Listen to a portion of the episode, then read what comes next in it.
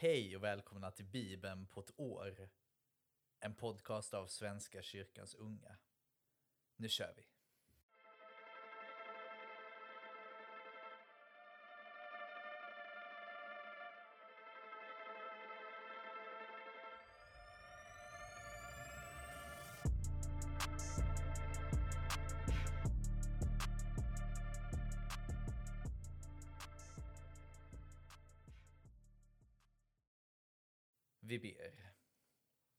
Tack Gud för idag.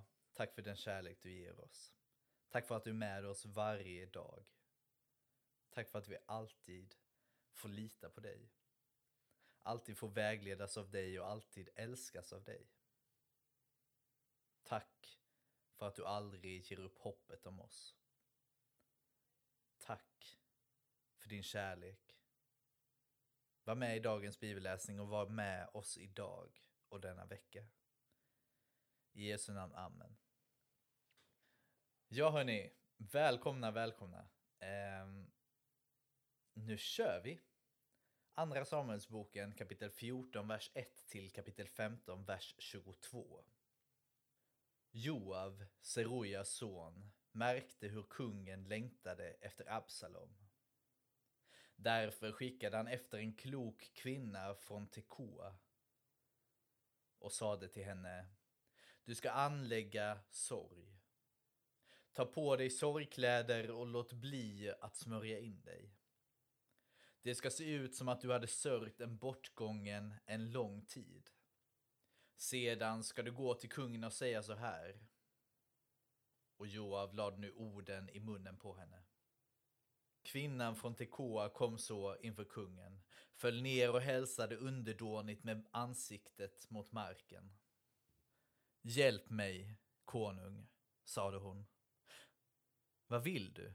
sade kungen. Hon svarade, ack, herre, jag är änka.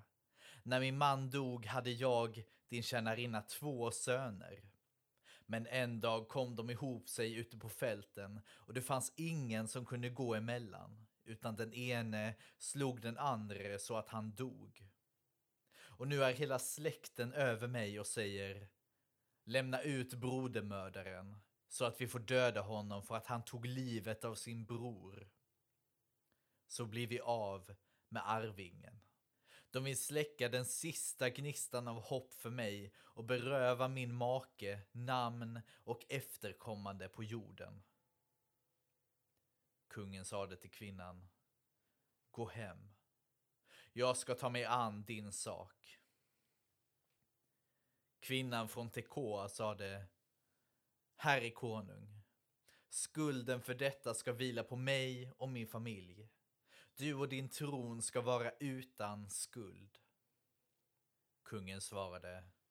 Skicka hit den som ansätter dig, så ska han inte ofreda dig mer konung, svär då vid Herren din Gud att blodshämnaren inte ska få fortsätta dödandet och ta livet av min son, sade kvinnan. Och han sade, så sant Herren lever, inte ett hår ska krökas på din sons huvud. Då sade kvinnan, får din tjänarinna säga ännu ett ord till sin herre konungen. Tala du, sade han. Och kvinnan sade, hur kunde du få i ditt sinne att handla på detta sätt mot Guds folk? Genom det utslag du nu har fällt har du ju dömt dig själv, konung, när du inte låter din förskjutne son återvända. Alla ska vi dö. Vi är som vatten som spills ut på marken och inte kan samlas upp igen. Men det är inte Guds vilja och avsikt att den förskjutne ska vara förskjuten från honom för alltid. Jag har kommit för att framlägga detta för min herre konungen, därför att folket har skrämt mig. Jag tänkte att om jag bara fick tala med kungen skulle han göra sin tjänarinna till viljes. Ja, jag hoppades att kungen skulle lyssna till mig och rädda mig undan den som ville rycka bort mig och min son från Guds land. Kungens ord ska skänka lugn, tänkte jag. Min herre och konung är som Guds ängel och kan urskilja vad som är rätt och vad som är fel. Må Herren din Gud vara med dig. Kungen sade då till henne. Jag har en fråga till dig. Svara mig nu uppriktigt. Kvinnan sade. Tala min herre och konung. Och han frågade. Har Joav sin hand med i detta? Hon svarade. Så sant du lever, min herre och konung, när du talar kan ingen slingra sig undan. Din tjänare Joav har skickat mig och själv lagt orden i min mun. Han gjorde så för att du inte skulle ana oråd. Men du, Herre, är vis som Guds ängel och förstår allt som sker på jorden. Kungen sade nu till Joav. Jag gör som du vill. Du ska hämta tillbaka min Absalom. Då föll Joav ner med ansiktet mot marken och tackade kungen. Nu vet jag att jag har din gunst, herre konung, sade han, eftersom du uppfyller min önskan. Så gav sig Joav iväg till Geshur och förde hem Absalom till Jerusalem. Men kungen sade, han ska gå hem till sig och får inte komma inför mina ögon.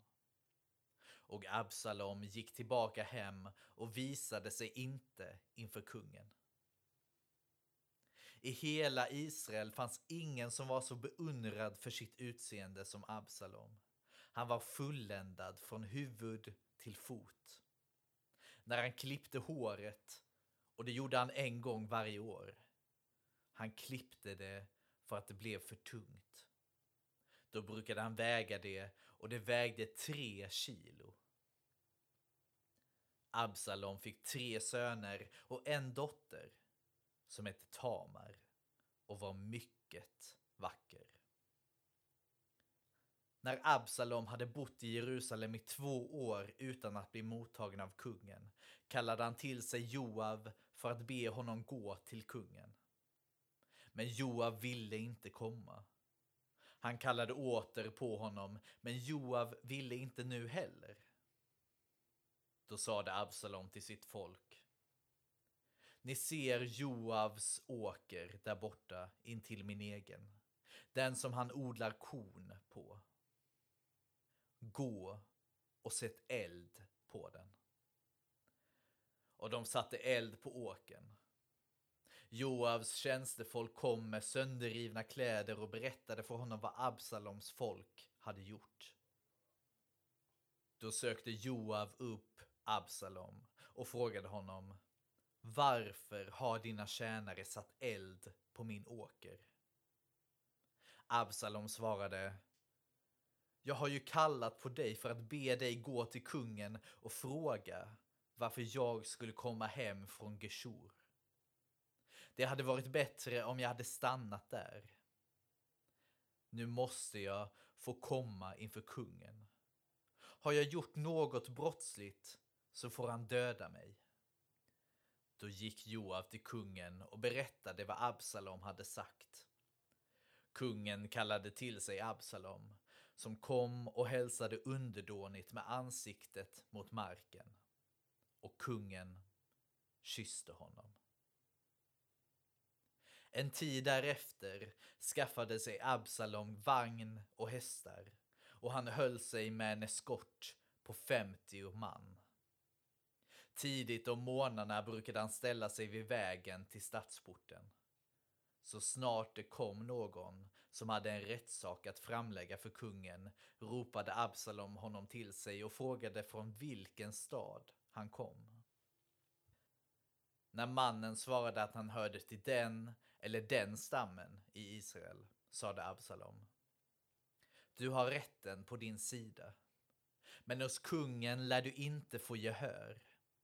Om ändå jag vore domare i landet, då hade var och en som var inblandad i en tvist kunnat komma till mig. Så skulle jag ha skaffat honom rätt. Och så snart någon kom och ville falla ner för hans fötter räckte Absalom fram handen, drog honom till sig och kysste honom. Så uppträdde han mot alla i Israel som sökte kungen i något rättsärende. Och på det sättet förledde han israeliterna. När fyra år hade gått sade Absalom till kungen. Låt mig få gå till Hebron för att infria ett löfte till Herren. När jag bodde i Geshur i Aram lovade jag Herren ett offer om han lät mig komma tillbaka till Jerusalem. Gå du, sade kungen, och så begav sig Absalom till Hebron. Samtidigt skickade han i hemlighet budbärare till alla Israels stammar att när de hörde hornsignaler skulle de ropa Absalom har blivit konung i Hebron. Absalom hade inbjudit 200 män från Jerusalem som gjorde honom sällskap. De var i god tro och följde med utan att ana vad som var på färde. Vid offerfesten skickade han också bud efter Davids rådgivare Achitofel från Gilo, som befann sig i sin hemstad. Så växte sammansvärjningen i styrka och Absaloms anhängare blev fler och fler. Av en budbärare fick David veta att israeliterna hade slutit upp bakom Absalom. Kungen sade då till dem som omgav honom i Jerusalem. Låt oss fly. Det är den enda räddningen undan Absalom. Skynda er, annars hinner han dit och störtar oss i fördärvet och låter svärdet härja i staden. De svarade honom, besluta vad du vill, herre konung. Vi är dina lydiga tjänare. Kungen gav sig då iväg med hela sin familj men lämnade tio bihustrur att se till palatset. Han bröt alltså upp med sitt folk men stannade vid det bortersta huset. Alla hans ämbetsmän passerade förbi honom, liksom alla kariteerna och peletéerna och de 600 från Gat som följt David därifrån. Då frågade kungen Itai från Gat varför han också gick med. Vänd om och håll dig till kungen. Du är ju utlänning och har lämnat ditt eget land. Nyss kom du hit. Ska du då redan behöva flacka omkring med oss? Jag vet ju inte vart jag är på väg. Nej, vänd om och ta med dig dina landsmän. Må Herren vara god och trofast mot dig. Men Itai svarade Så sant Herren lever och du själv lever, min herre och konung. Där du är, där vill också jag vara i liv och död. Då lät David honom följa med och Itai från Gat anslöt sig med alla sina män och de kvinnor och barn han hade i sitt följe. Ja, vad spännande hörni. Det är som en revolution som är på väg. Vi får se fortsättningen imorgon.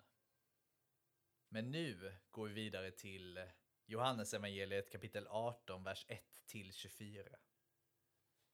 När Jesus hade sagt detta gick han tillsammans med sina lärjungar ut till andra sidan av Kidrondalen. Där låg en trädgård som han och lärjungarna gick in i. Också Judas, han som förrådde honom, kände till platsen eftersom Jesus och hans lärjungar ofta samlats där. Judas tog med sig vaktstyrkan och folk från översteprästerna och fariseerna och de kom dit med lyktor, facklor och vapen. Jesus som visste om allt som väntade honom gick ut till dem och frågade Vem söker ni? De svarade Jesus från Nasaret. Han sade Det är jag. Bland dem stod också Judas, han som förrådde honom. När Jesus nu sade, det är jag, vek de tillbaka och föll till marken. Han frågade dem igen, vem söker ni? Och när de svarade Jesus från Nasaret sade han, jag har ju sagt er att det är jag. Om det är mig ni söker så låt de andra gå. Ty det som han hade sagt skulle uppfyllas.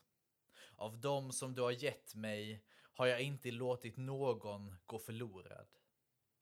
Men Simon Petrus, som hade ett svärd med sig, drog det och slog till mot översteprästens tjänare och högg av honom högra örat. Tjänaren hette Malkos. Jesus sade då till Petrus, stick svärdet i skidan. Skulle jag inte dricka den bägare som fadern har räckt mig? Kommendanten med sin vaktstyrka och judarnas män grep Jesus och band honom och förde honom först till Hannas, svärfar till Kajafas, som var överstepräst det året. Det var Kajafas som hade förklarat för judarna att det var bäst att en enda man dog för folket. Simon Petrus och en annan lärjunge följde efter Jesus. Den lärjungen var bekant med översteprästen. Och han följde med Jesus in på översteprästens gård. Men Petrus stod kvar utanför porten. Den andra lärjungen, han som var bekant med översteprästen, gick då ut och talade med tjänsteflickan som vaktade porten och tog med sig Petrus in. Men flickan vid porten sade till Petrus, Hör inte du också till den där mannens lärjungar? Han svarade, Nej, det gör jag inte. Tjänarna och vakterna stod och värmde sig vid en koleld som de hade tänt eftersom det var kallt. Petrus stod där också och värmde sig tillsammans med dem. Översteprästen frågade Jesus om hans lärjungar och hans lära. Jesus sade jag har talat öppet till världen. Jag har alltid undervisat i synagogorna och i templet, där alla judar samlas. Jag har inte sagt något i hemlighet. Varför frågar du mig? Fråga dem som har hört mig och vad jag förkunnat för dem. De vet ju vad jag har sagt. En av vakterna som stod där gav honom då en örfil och sade Ska du svara översteprästen på detta sättet? Jesus sade Har jag sagt något som var fel? Så säg vad det var. Men om jag har rätt, varför slår du mig? Hannas skickade honom då bunden till översteprästen Kajafas. Ja, nu, nu börjar det gå mot sitt slut, även i Johannes. Vi får röra fortsättningen imorgon. Men tänk, jag skulle vara så arg som Jesus där när jag får en örfil. När jag inte sagt något som är fel, utan blir falskt anklagad. Jag skulle vara så arg. Och ändå så kan Jesus ändå behålla lugnet på ett sätt. Även om jag tror att han säkert var lite arg. ja. Vi fortsätter i Saltaren, psalm 119, vers 97 till 112. Vad jag älskar din lag. Jag begrundar den dagen lång. Dina bud gör mig visare än min fiende. De finns alltid hos mig. Jag äger mer vishet än alla mina lärare, ty jag begrundar dina lagbud. Jag är klokare än de gamla, ty jag följer dina befallningar. De ondas väg beträder jag aldrig, jag vill lyda ditt ord. Jag viker inte från dina lagar, ty du ger mig undervisning. Vad ditt löfte är ljuvt för min gom. Det smakar sötare än honung. Av dina befallningar får jag förstånd. Därför hatar jag lögnens alla vägar. Ditt ord är en lykta för min fot, ett ljus på min stig. Jag har svurit att hålla min ed och följa dina rättfärdiga lagar.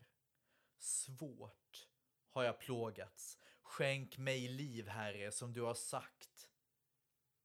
Herre, ta emot min sång som ett offer och lär mig dina lagar.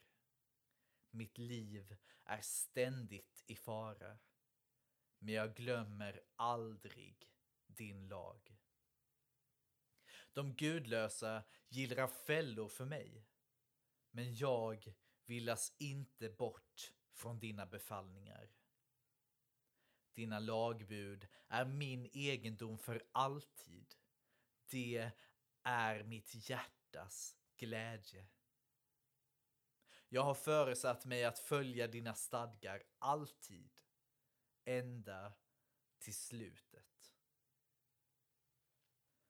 Ja, här kom ju versen som vi faktiskt har på vår, vårt, vår omslagsbild. Ditt ord är en lykta för min fot, ett ljus på min stig. Och jag tror faktiskt det är så. Guds ord är ljuset på en mörk stig. En lykta för mina fötter. Så att jag kan se lite klarare i alla fall. Även när det är mörkt omkring en. Det tror jag. Det är en viktig vers för mig. Och vi avslutar i Ordspråksboken 16 kapitel, vers 8 till 9. Bättre äga litet med rättfärdighet än tjäna mycket med orätt. Människan tänker ut sin väg, men stegen styrs av Herren. Passande också, när vi precis pratat om stigar och ljus, lyktor. Det var allt för idag kära vänner. Imorgon och eh, det blir väl ungefär sju avsnitt framåt så kommer ni få lyssna till min chef som kommer läsa lite. Vi hörs och ses en annan dag. Tack för att ni lyssnar. Tack för att vi får vara med på den här vägen tillsammans genom Bibeln. Ha en fin dag. Ta hand om er